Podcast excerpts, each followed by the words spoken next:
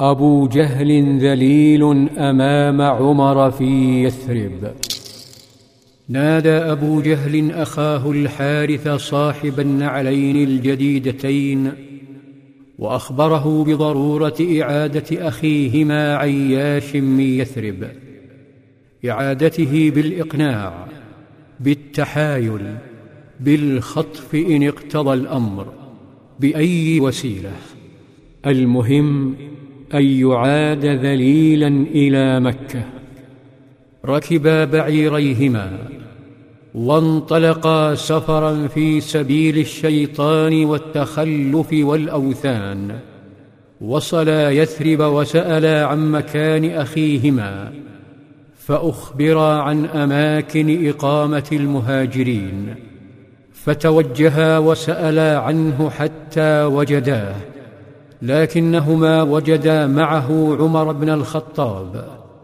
ولما رأى أبو جهل بن الخطاب خنس وتلاشى طغيانه وأدرك حجمه الحقيقي شأن الطغاة عندما يكونون بلا أتباع. لذا تأدب في الحديث مع أخيه فقال يا أخي إن أمك نذرت ألا يمس رأسها مشط حتى تراك. نظر عمر إلى وجه عياش فرأى فيه التأثر والكدر. وقد رق ولان لكلام أبي جهل الذي لم يكن بهذا اللطف في شوارع مكة. ثم تفرس عمر في وجه الطاغوت.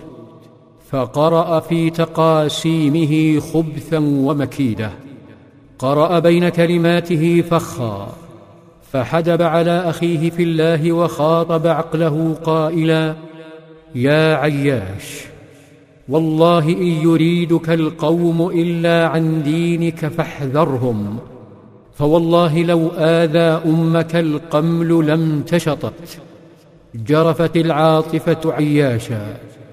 فبرر رغبته في العودة قائلا لي هنالك مال فآخذه.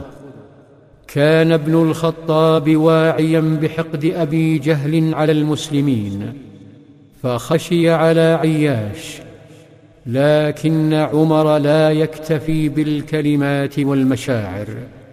عمر يفعل ما لا يفعله إلا من ملأ قلبه حب الله عز وجل. بسط ثروته فداء لأخيه عياش وناشده. يا عياش والله إنك لتعلم أني لمن أكثر قريش مالا. فلك نصف مالي ولا تذهب معهما. تعجب الوثنيون من هذا الإيمان والإيثار العمري. لكن عاطفة عياش تجاه أمه أذهلته عن خبث أخيه فأصر على العودة. ففكر عمر بآخر الحلول ونادى عياشا على انفراد وهو يمسك بزمام ناقته السريعة ثم وضع زمامها بيده وناشده من أعماق قلبه. قال أما إذا فعلت ما فعلت فخذ ناقتي هذه فانها ذلول سهلة الانقياد فالزم ظهرها. فإن رابك من القوم ريب وشككت فانج عليها ثم ودعه بقلب مشفق يتفطر. امتطى عياش الناقة عمر وخرج مع أخويه بينما كانت عينا عمر تناشدانه العودة لكنه اختفى وغيبته المسافات. ولما ابتعدوا عن يثرب التفت أبو جهل إلى أخيه هشام وتبادلا نظرات مخيفة دون أن يشعر عياش بهما. في ظلال في ظلال السيرة.